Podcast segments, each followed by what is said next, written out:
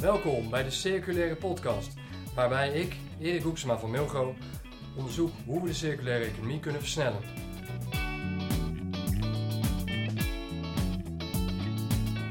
Vandaag hebben we weer een ontzettend interessante aflevering waarbij we het gaan hebben over voedselverspilling. In een circulaire economie gaat het om het zo goed mogelijk benutten van grondstoffen. Voedselverspilling is hierbij dus een groot probleem, want ongeveer een derde van het voedsel gaat verloren. Een groot verlies aan grondstoffen natuurlijk. Als er iemand is die veel weet over voedselverspilling, dan is het onze gast van vandaag, Twan Timmermans. Hij houdt zich al sinds het jaar 2000 actief bezig met het thema. Als onderzoeker aan de Wageningen Universiteit in Research, maar de laatste tijd ook om gezamenlijk met bedrijven en overheden dit probleem aan te pakken in Samen tegen voedselverspilling, waarvan hij de initiatiefnemer is. Twan, welkom in deze podcast. Jij houdt je vooral bezig met voedselverspilling. Waarom is het eigenlijk een probleem? Nou, dat is al een heel goede vraag. Is het eigenlijk wel een probleem of is het meer een symptoom? Maar even over het probleem. je vast beantwoorden. Ja, nee, nee maar dat, dat, dat is denk ik leuk om verder over door, eh, door te praten. Uh-huh. Eh, maar kijk, als je over de hoeveelheden kijkt, dan zie je dat duidelijk, het is, het, is, het is op zijn minst een heel groot issue. Alleen in Nederland ergens tussen de 1,7 en 2,5 miljoen ton aan voedsel wat wel geproduceerd wordt, wat bestemd is om op te eten, wat we uiteindelijk niet eten. Dus het Mhm. gaat over een gigantische schaal.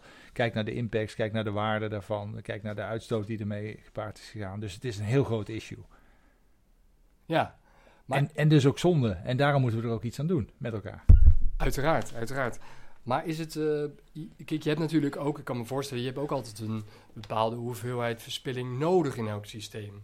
Toch? Omdat, omdat je kunt nooit precies maken wat je nodig hebt. Of, of, of zie je dat anders? Ja, ik zie het wel anders. Ik, kijk, je kunt nooit precies maken wat je nodig hebt, maar je kunt altijd, je, je kunt altijd een plan B of een plan C maken. Hè? Dus dan kijken van, ja, en dat, dat is natuurlijk een mooi voorbeeld van een circulaire economie. Die heeft altijd een plan B of C. Zo van, als het niet bestemd is voor waar je oorspronkelijk voor bedoeld hebt, is er altijd nog een tweede optie of een derde optie. En uiteindelijk blijft het in het systeem. Het wordt nooit afval. Het wordt nooit verspild. Er is altijd wel iemand die het nuttig gebruikt, een organisme of een dier of in het ecosysteem. Eh, dus het is ook een manier van denken. En we denken in de voedselketen vaak van, nou we maken iets om bijvoorbeeld bro- brood van te maken of, of, of een salade en op te eten. En als het daar niet voor bestemd is, ja, dan is er geen plan B. Dan raakt het dus gewoon zeg maar, zijn route kwijt en dan wordt het gezien als afval. Hoort het niet meer in het hoofdproces. Eh, en afval, alleen dat woordje al, betekent eigenlijk het is geen core business meer. Dus hoe kom ik op de kosten, kosten manier en de goedkoopste manier daarvan af? In plaats van denken van hé, er zit nog waarde in en wat kun je er dan wel mee doen? Ja, zolang maar een beetje... Zo gaan we vaak met afval om, als maar uit het zicht is. En dat is, eh, dat is eigenlijk jammer. Want ja, ja, wij werken bij Mulgo ook met de, de ladder van, eh, van Moerman, die ken je ook. Ja. En dat is eigenlijk, eigenlijk wat jij dan ook betoogt. Om zo telkens, als, zodra het niet meer eh, als voeding voor mensen gebruikt kan worden... om dan vervolgens de, de, de treden lager op de piramide te gaan, eh, te gaan opzoeken. Ja, Voor de alleen- luisteraars misschien nog even uitleggen wat de ladder van Moerman is. Ja, kijk, de ladder van Moerman, dat is eigenlijk de ladder van Lansing. Dat is, de, Mhm. dat is de bekende die in de, in de, in de milieuhoek al, al jaren wordt gebruikt. En een, eh, ene Bram eh, Moerman die heeft daar specifiek gekeken van wat betekent het nou voor voedsel. En die heeft hem vertaald. En, en dat is in Nederland, is, die, is dan de bekende naam. Dat gaat eigenlijk uit van eh, voedsel. Dus eten wat bestemd is om op te eten. Benut het om te eten. Kan dat niet, zorg dat je het of kunt herbewerken of weer herdistribueren voor eh, menselijke consumptie. Daarna eh, de beste optie is, eh, is gebruiken voor diervoer. Dan krijg je zeg maar eigenlijk benutten voor hoogwaardige materialen. En dan krijg je daarna de, de, de, de stappen die, die we dan waste management noemen. Dus dat levert eigenlijk niet zoveel meer op. Maar dan probeer je er nog het beste uit te halen. Bijvoorbeeld energie via vergisting of composteren of eh, uiteindelijk verbranden. En, eh, en landfill, dat mag dan in Nederland niet storten. Maar er gaat natuurlijk nog behoorlijk wat door de gootsteen. Ja. Maar dat doen we dus eigenlijk nog te weinig, zeg jij. En hoe, hoe komt het dat we dat nog te weinig doen? Nou, ik denk dat een hele belangrijke is, is eh, kijk, voedselverspilling wordt vaak als een, zeg ik, een symptoom gezien, een symbool van, hey, het ontstaat ergens en dat is eigenlijk zonde. Dus wat Mhm. kun je er dan nog mee doen? Terwijl je eigenlijk moet kijken van, hoe had ik kunnen voorkomen? En de nadruk moet dus ook veel meer komen op het, wat, dat zie je natuurlijk in de circulaire economie, van hoe kun je iets eh, voorkomen door, wat ze zeggen, eigenlijk te weigeren. Dus zeggen van ja, dat betekent, want als er iets in de keten komt en, en, en je hebt het niet meer nodig, ja, dan wordt het afval of dan wordt het een, een secundaire stroom. Dus het weigeren, het refuse, daar zou veel meer aandacht op moeten komen in plaats van het symptoom van we hebben iets en we proberen er nog iets van te maken. En hoe zou dat concreet in zijn werk gaan dan? Om de, te, te weigeren, hoe, hoe, ziet, eh, hoe zie je dat voor je? Nou kijk, uiteindelijk, kijk, de, heel simpel. De consument is eigenlijk de grootste verspiller in de keten. Ja? Ja, die verspilt relatief het meest. En dat is nou ja, zo'n zo'n 14% van wat hij koopt. Dus eigenlijk mag je stellen dat een consument 14% meer koopt dan hij eigenlijk nodig heeft. En doet hij dat bewust? Nee, niet per se. Het is, er zijn weinig consumenten die naar de winkel gaan zeggen van laat ik nou bewust 14% meer kopen dan ik nodig heb. Uh, Nee. Maar uiteindelijk is het resultaat wel dat die 14% gemiddeld dan in de prullenbak terechtkomt. Mhm.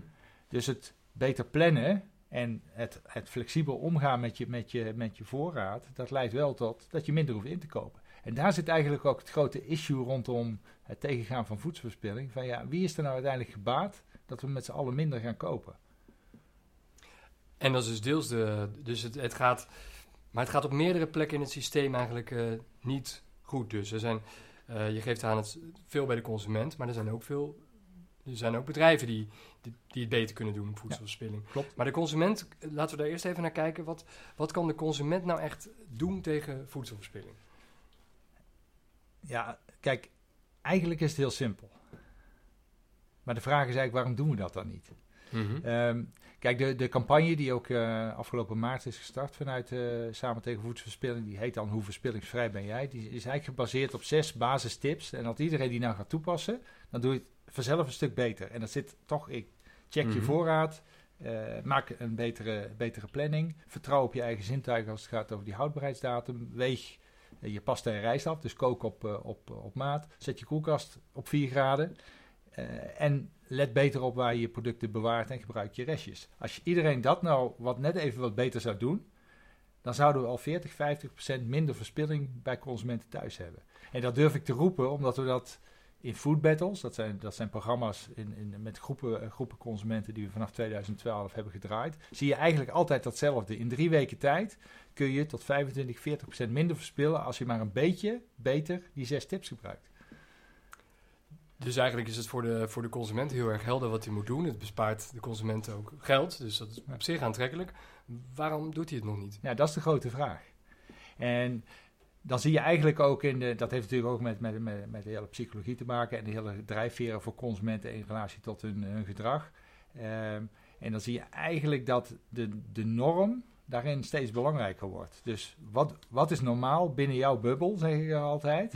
En hoe zorg je dat de, het normaal, dus de sociale norm, binnen jouw bubbel ook de positieve kant op beweegt? Dus je bedoelt als jouw vrienden en buren ehm, minder gaan verspillen, dan ben jij dat ook geneigd om, om Ja. dat te doen. Ja, en daar is heel veel bewijs voor dat dat, dat, dat veel beter is. Het is eigenlijk relevanter om te weten van eh, hoeveel verspil jij ten opzichte van jouw buurman, Mhm. dan hoeveel verspil jij ten opzichte van gemiddeld Nederland en laten zien dat daar best veel verspilling is. We zien ook in de campagnes zoals die de afgelopen jaren, in, Nederland, maar ook in heel veel andere landen, die focussen vaak op het probleem. Dus die laten heel veel gro- grote bergen met voedsel zien wat verspild wordt. Hè? Ja? Eigenlijk heeft dat een averechts effect. Want dat bevestigt de norm dat het heel normaal is om veel te verspillen. Precies, dan denken mensen, oké, dus, ik, dus voor mij is het ook niet zo heel erg om, eh, om, Nee. om dat te doen. Nee, zeker omdat uit onderzoek ook blijkt dat de meeste mensen hun eigen verspilling onderschatten. Mhm. Dus zo- zo'n 90% zegt, zegt wel, ja, we verspillen wel iets, maar minder dan het gemiddelde. Dus als je dat combineert met het is normaal om veel te verspillen, ja, waarom zouden mensen dan extra gemotiveerd zijn om minder te verspillen? Dat werkt dus voor deels averecht, of laten we op zijn minst zeggen, het werkt dus niet om vooral de, de, focus op het gemiddelde probleem te leggen. Dus breng het dichterbij, breng het in jouw omgeving. En vandaar dat ook eh, die campagne onder andere gestart is met influencers die voor specifieke doelgroepen ook echt bij kunnen dragen aan het is normaal om alles te gebruiken. Dus verspillingsvrij is ook, eh, je moet het dichtbij brengen, je moet het bijbrengen bij mensen die, die, die, die, ja, die, die in feite rolmodel zijn binnen hun eigen omgeving en hun communities. Dus daar richt je met, eh, met Samen tegen Voedselverspilling heel gericht op om groepen consumenten te, te bereiken. Ja, en dan zien we ook dat de drijfveren en de manier om dingen te werken, die is voor, voor gezinnen met jonge kinderen, die vaak toch, waar het toch een beetje erbij hoort van, je hebt het druk, hè? Je, je kent dat misschien, maar als dat. je, als je, kijk, het is niet zo dat je, dat je dan bewust daar heel mee bezig bent, maar er zijn zoveel dingen waar je op moet letten. En dan komt dat voedsel, dan komt er dan eens een keer en, oh ja, sorry, ja, iets te veel gekookt. Oh, wacht, eh, ik had rekening moeten houden dat mijn kind toch niet een bordje leeg eet. Ja, het gebeurt gewoon. Eh, dus daar moet je net op een iets andere manier mee omgaan dan bijvoorbeeld ouderen die toch al vaak wat meer nou ja, bewuster mee bezig zijn, maar die bijvoorbeeld met portiegroottes nog wat, eh, wat, meer, wat meer worstelen.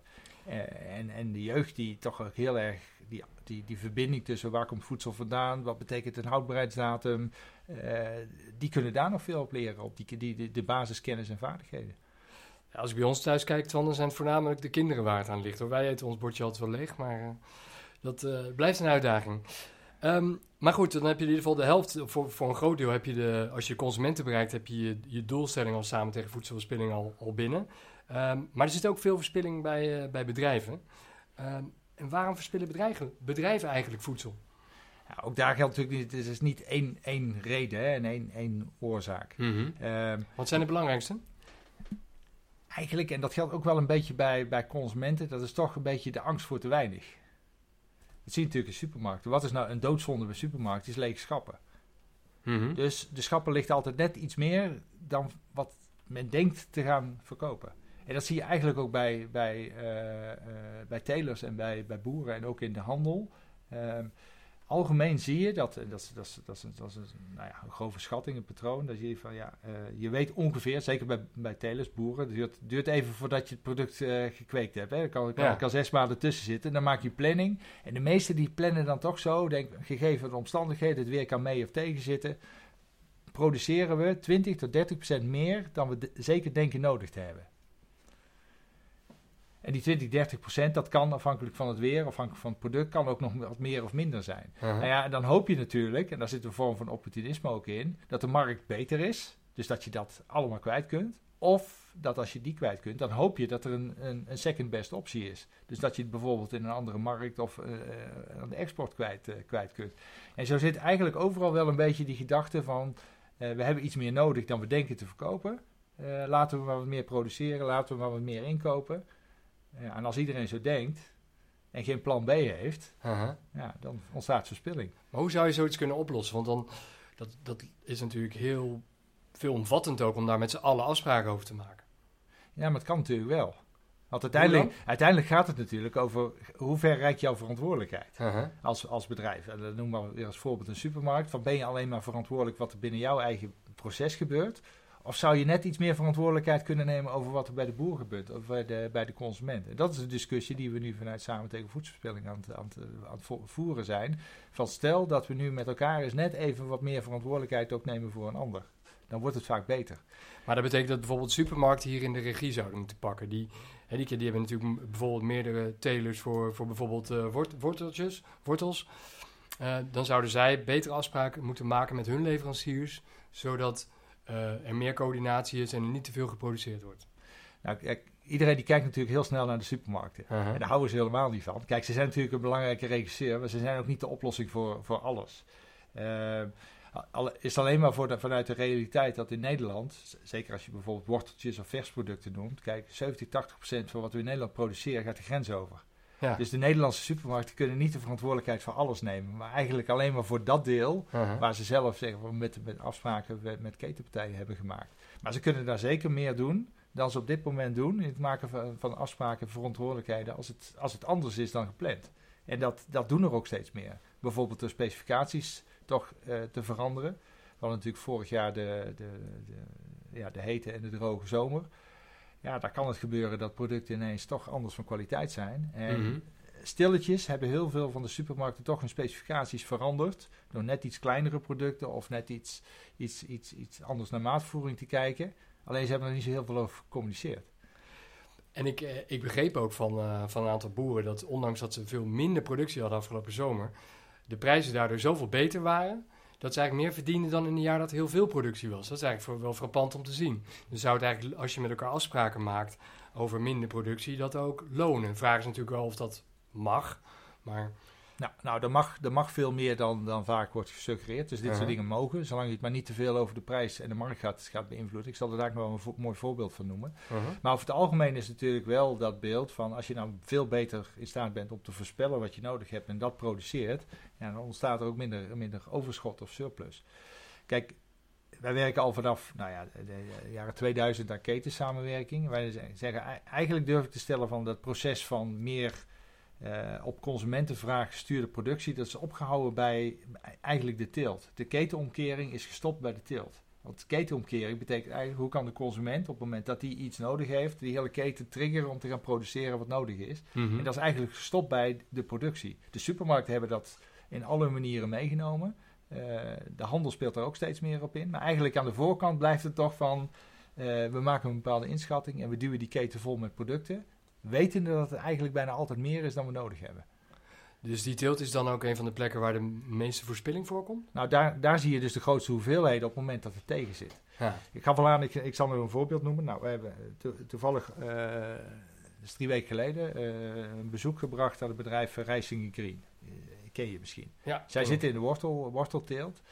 Zij zijn, eigenlijk maken zij afspraken met hun telers en ook met hun afnemers, waardoor zij minder produceren dan een traditionele keten doet. Omdat ze dus op zoek gaan naar de partijen die matchen met de behoeften. Ook als de omstandigheden net even iets anders worden dan verwacht. En ze maken dus afspraken onderling om precies al hun klanten te bedienen. Met de telers die aangesloten zijn Met- bij Van Rijsingen Green. Ja. Oké. En wat ze eigenlijk heel slim doen is... Zij baseren zich ook op het principe, zeggen we, ja, voor de versmarkt, daar verdien je je geld. Dat geldt eigenlijk bijna voor ieder- iedereen. Dat, eh, Mhm.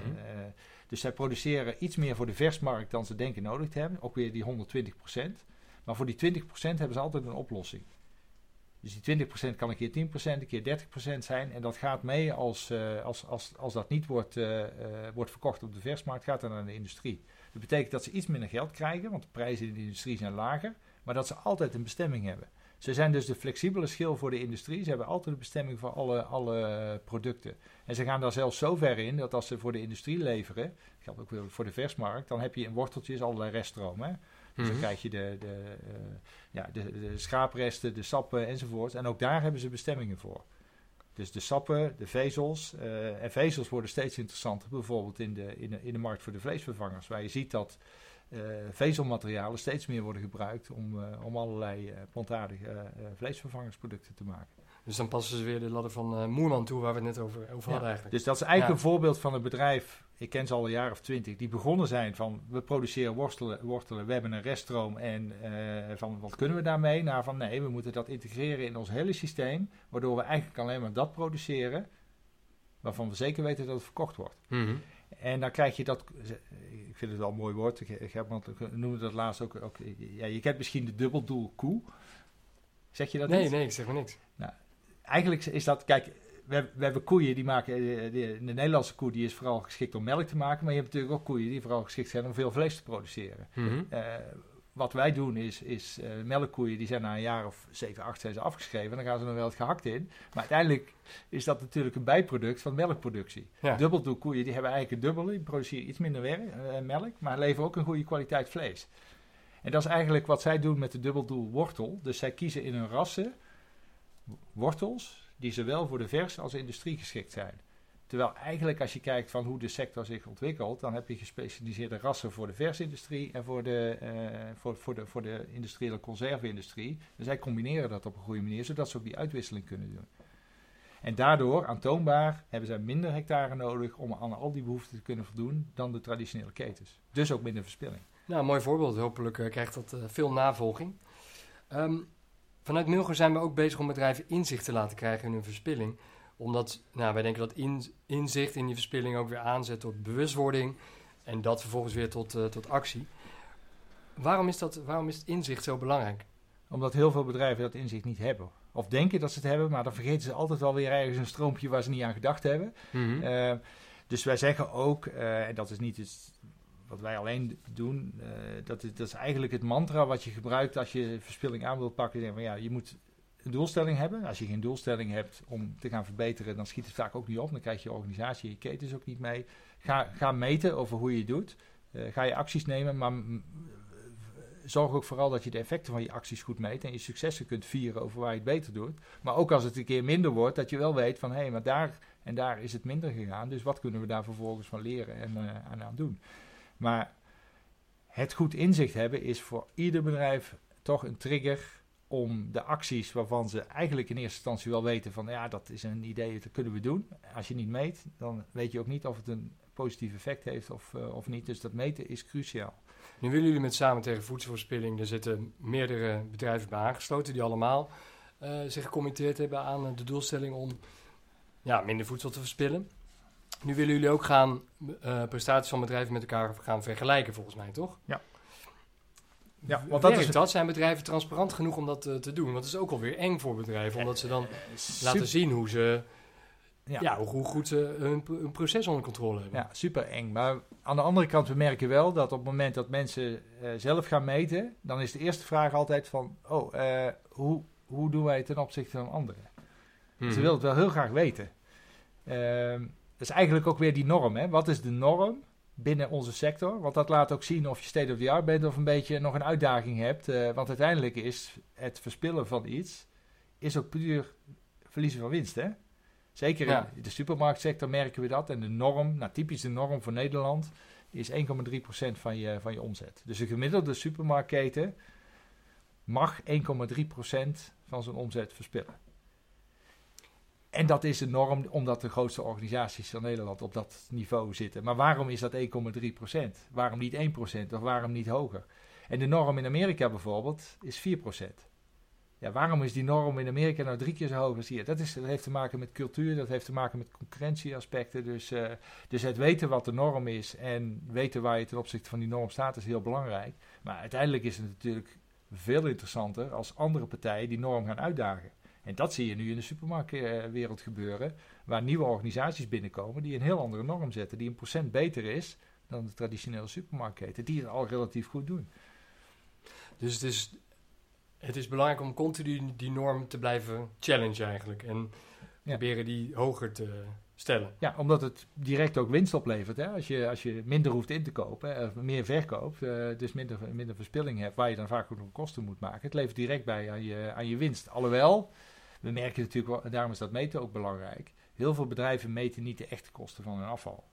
Dat zullen jullie herkennen, denk ik, vanuit, mm -hmm. vanuit, vanuit mail. veel klanten gelukkig wel. Ja, ze kijken natuurlijk vaak nog meer van... hey, hoeveel afval heb ik, hoeveel kilo en wat kost dat? Mhm. En ze tellen niet mee de, de inkoopwaarde, de, de, personeelskosten die het kost om het weer af te voeren enzovoort. Al die kosten worden vaak niet gezien. Dus als je dat allemaal meetelt, dan, uh, ja, dan wordt het nog interessanter om, uh, om je eigen norm uh, nog hoger te stellen. Nou, gelukkig gaan wel steeds meer bedrijven dat doen. En nou, wat je net zegt is ook dat, dat en wat ik ook wel merk is dat veel consumenten bewuster worden qua verspilling. Dus je zou ook wel verwachten dat die verspilling aan het, aan het verminderen is. Is dat ook zo? Ja, dat, kijk, we, we, hebben net weer uh, afgelopen weken uh, het onderzoek bij consumenten is uitgevoerd. Dus die resultaten zien we pas eind van, van het jaar. Mhm. Ehm, we zagen in de resultaten van 2016 een, bij consumenten een, een verlaging ten opzichte van drie jaar daarvoor. En we hopen dat dat doorzet. Kijk, en binnen Samen tegen Voedselverspilling werken we vooral met koplopers. En die zien we dat, daar zien we dat het beter gaat. Maar we mhm. meten ook uh, de hoeveelheid voedselverspilling gemiddeld over alle bedrijven in Nederland. En dat neemt nog niet af.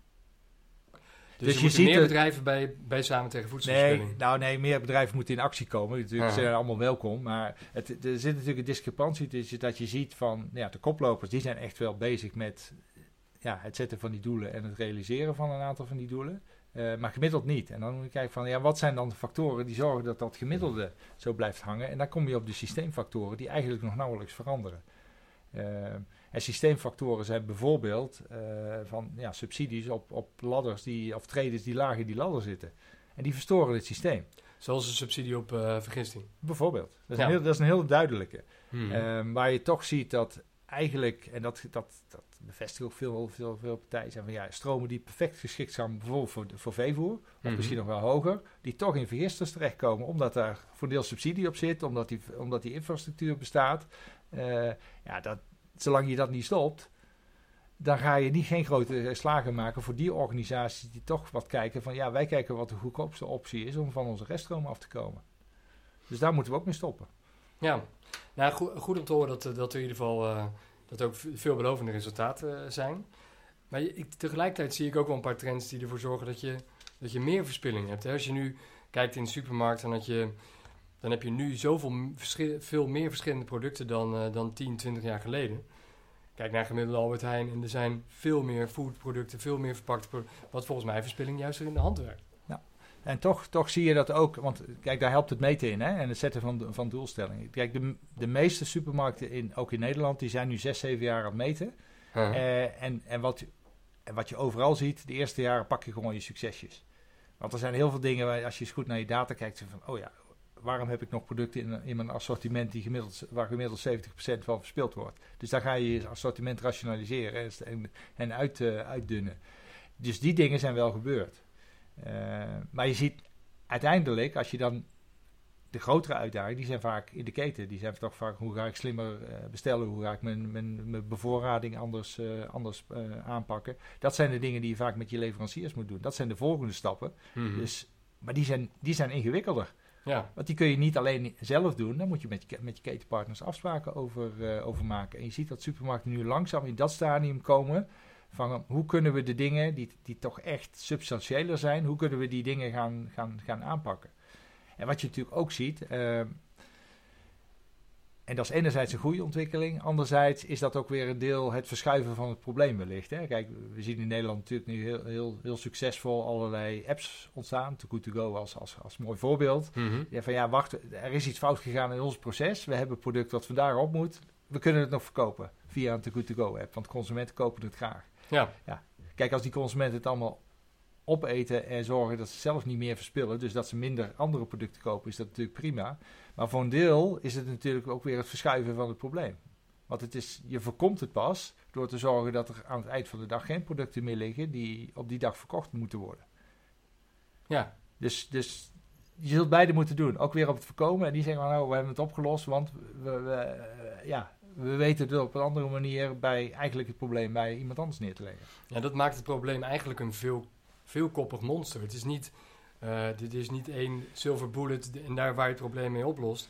Het zit hem, denk ik, in uh, gedragsverandering hebben we het net al even over gehad. Uh, maar ook in, in wetgeving, um, innovatie kan helpen. Ja. Wat is volgens, je, volgens jou nou het belangrijkste? Um, ik denk dat er eigenlijk maar één, één ding echt belangrijk en dat is verantwoordelijkheid nemen. -huh. Want je ziet, vaak als je innovaties hebt, die kosten vaak geld. Of iemand moet een risico nemen. Neem bijvoorbeeld een heel simpel als houdbaarheidsverlenging. Dat kun je doen door of, of een ander product te telen of een verpakking toe te passen. Vaak wordt in het begin van de keten extra kosten gemaakt. En het voordeel ligt aan de andere kant van de keten. Ja. Bij de consument of bij de, bij de, dus bij de supermarkt. niet zo heel veel op. Nou ja, je, het kan wel, maar vaak is, die, is, is, is die, dat deel van de keten niet bereid die kosten te betalen voor die extra verpakking. Hmm. Daardoor zie je dat eigenlijk heel veel innovaties gewoon op de plank blijven liggen vanwege die discussie over kosten. Terwijl als je hem samen bekijkt, als hele keten, zeg je van ja, maar dan is het gewoon een no-brainer. Van, dan levert het zoveel meer op op het moment dat je die innovatie wel gaat toepassen. En dat maakt het, uh, dat ma dat maakt het interessant. Oké. Okay. Hey, wat heb jij... Um wat heb jij nou nu nodig om je, om je doelstellingen te, te, kunnen halen met, met Samen tegen Voedselverspilling? Wat zou je, wat zou je het liefst zien?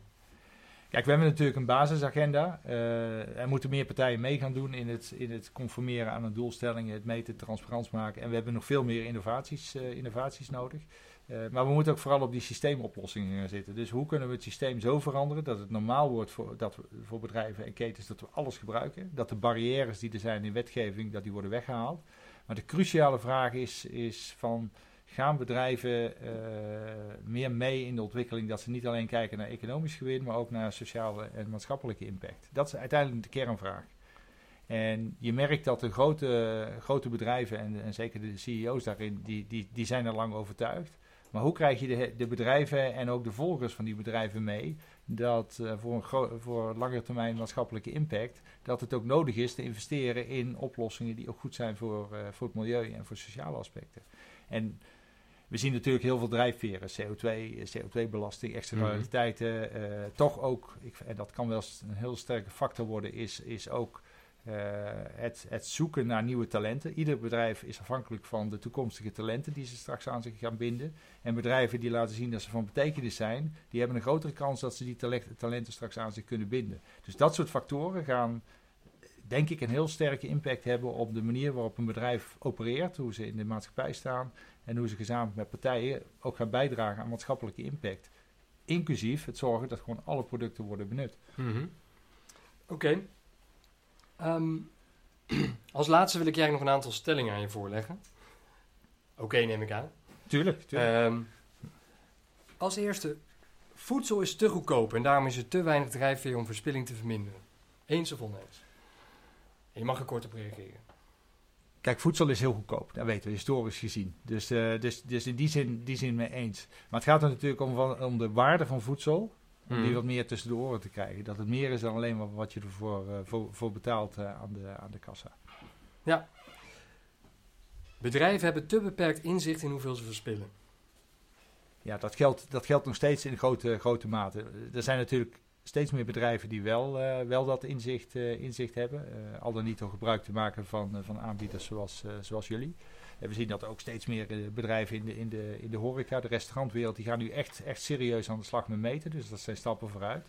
Eh, maar gemiddeld blijft het iets wat ook eh, zeg maar op hoogste niveau in de organisaties niet bekend wordt, niet gerapporteerd wordt. En zolang het daar, daar niet bekend is, ga- gaat, er, gaat er ook nog onvoldoende mee gebeuren. De volgende. Bedrijven zouden verplicht moeten worden om voedselverspilling te rapporteren. Ja, ik hou nooit van verplichting. Ik vind, eh, Mhm. ik, ik, ik vind dat ze zelf moeten inzien dat dat, dat dat belangrijk is. Maar we zien natuurlijk, er, komt vanaf er is nu een nieuwe wetgeving die dit jaar eh, wordt, wordt geïmplementeerd, dat ieder land vanaf 2020 moet rapporteren eh, hoeveel voedselverspilling ze hebben. Die data die kunnen ze alleen maar betrouwbaar krijgen als bedrijven die gaan rapporteren. Dus nu is het nog heel vrijwillig. Ik hoop en ik zie ook wel dat steeds meer bedrijven het gaan doen. Eh, maar mocht dat niet gaan gebeuren, ja, dan, dan denk ik dat de overheid geen andere keuze heeft om het verplicht te maken. Mooi. 0% verspilling is een utopie. Ja, dat, kijk, helemaal voorkomen thuis, dat, dat, dat lukt niet. Maar we zullen af moeten van het woord verspilling. Want het 0% verspilling is een utopie, want in de circulaire economie bestaat, bestaat verspilling niet. Dus dan zal er altijd weer een gebruik zijn van een reststroom. Dus Ja. noem het een bijproduct, een reststroom of, of, eh, of wat dan ook. Er zal altijd weer een nuttig gebruik zijn. En uiteindelijk, kijk, in de circulaire economie moeten we ook zorgen dat onze bodem weer goed bediend wordt. Hè? Dus eh, hoe krijgen we de organische stof weer in de bodem? Mhm. Eh, dus, dus ja, 0% bestil, eh, verspilling, daar zullen we naartoe moeten. We zullen dus ook af moeten van het woord verspilling naar van hoe ga je het op een positieve manier laden, dat het gewoon een grondstof is voor een ander proces of een ander doel. Telkens de beste verwaarding voor de grondstoffen kiezen die op dat moment is. Ja, maar circulair is, beter, is meer dan alleen maar verwaarden. Het begint ook met dat refuse, hè, het Mhm. voorkomen en het inrichten dat... eh, Zorgen dat iets er überhaupt geen afval ja. wordt. Klopt. En de laatste om mee, om mee af te sluiten. We hebben de kennis en oplossingen beschikbaar om voedselverspilling met 50% te reduceren voor 2030. Het is slechts een kwestie van wilskracht. Nou ja, dat begint weer met die verantwoordelijkheid en die wilskracht. En, en die wilskracht is natuurlijk ook wel van, wat is de urgentie, hè? Eh, want we hebben eigenlijk geen probleem. Dan komen we weer terug van de vraag van, is voedselverspilling een probleem? Nee, we- het is geen probleem. We voelen het te weinig. We voelen het niet. Eh, we voelen ons even schuldig als het in die prullenbak gaat. We hebben overcapaciteit in afvalverbranders. Eh vergisters die draaien ook graag op dat spul. Maar het is natuurlijk uiteindelijk geen oplossing. Alleen daardoor zien we, zien we het niet. Ik zeg altijd van, of altijd, eh, zolang voedselverspilling geen eigenaar heeft, gaan we het niet oplossen. En dat heeft ook te maken met die urgentie. We zien natuurlijk een heel duidelijke beweging dat, dat, eh, dat klimaatverandering, dat we daar ook als consument en bedrijfsleven een bijdrage aan moeten leveren. Alleen omdat er niemand is die opkomt voor de lobby om voedselverspilling te verminderen als onderdeel aan de bijdrage van klimaatverandering, terwijl dat eigenlijk de grootste eh, quick win is, Mhm. gaan we dat niet, gaan we dat niet benutten. Dus we zullen naar een manier van denken, rekenen enzovoorts moeten, eh, waarbij we ook zien dat ondanks dat het geld oplevert, ondanks dat we minder consumeren, dat dat positief bijdraagt aan oplossing van maatschappelijke vraagstukken. Dus we zullen met elkaar het verhaal moeten bouwen dat less is more, minder is beter, dat dat ook een onderdeel van de, van de oplossing is, consuminderen. En ja, dat is niet populair, want dat betekent uiteindelijk ook minder kopen. En wie heeft er nu in zijn bedrijfsmodel staan, wij willen minder verkopen? Niemand. Nou, lijkt me heel mooi om eh, de luisteraar daarmee eh, achter te laten met, eh, met die vraag. Dank voor het gesprek, Twan. Ik vond het mega interessant. Ik hoop dat het lukt om, je, om de doelstelling te, te gaan realiseren. En ehm, nou, daar gaan, we, gaan wij in ieder geval ons, ons best voor doen. Ja, super. Ja, dank, dank voor het gesprek. Beste luisteraars, dat was het gesprek met Twan Timmermans. Ik hoop dat jullie het net als ik een interessant gesprek hebben gevonden. Mochten jullie nog tips of vragen hebben, mail me dan op e.hoeksma.mailgroep.nl of kijk op wasteLab.nl. Volgende maand weer een nieuwe aflevering van de Circulaire Podcast.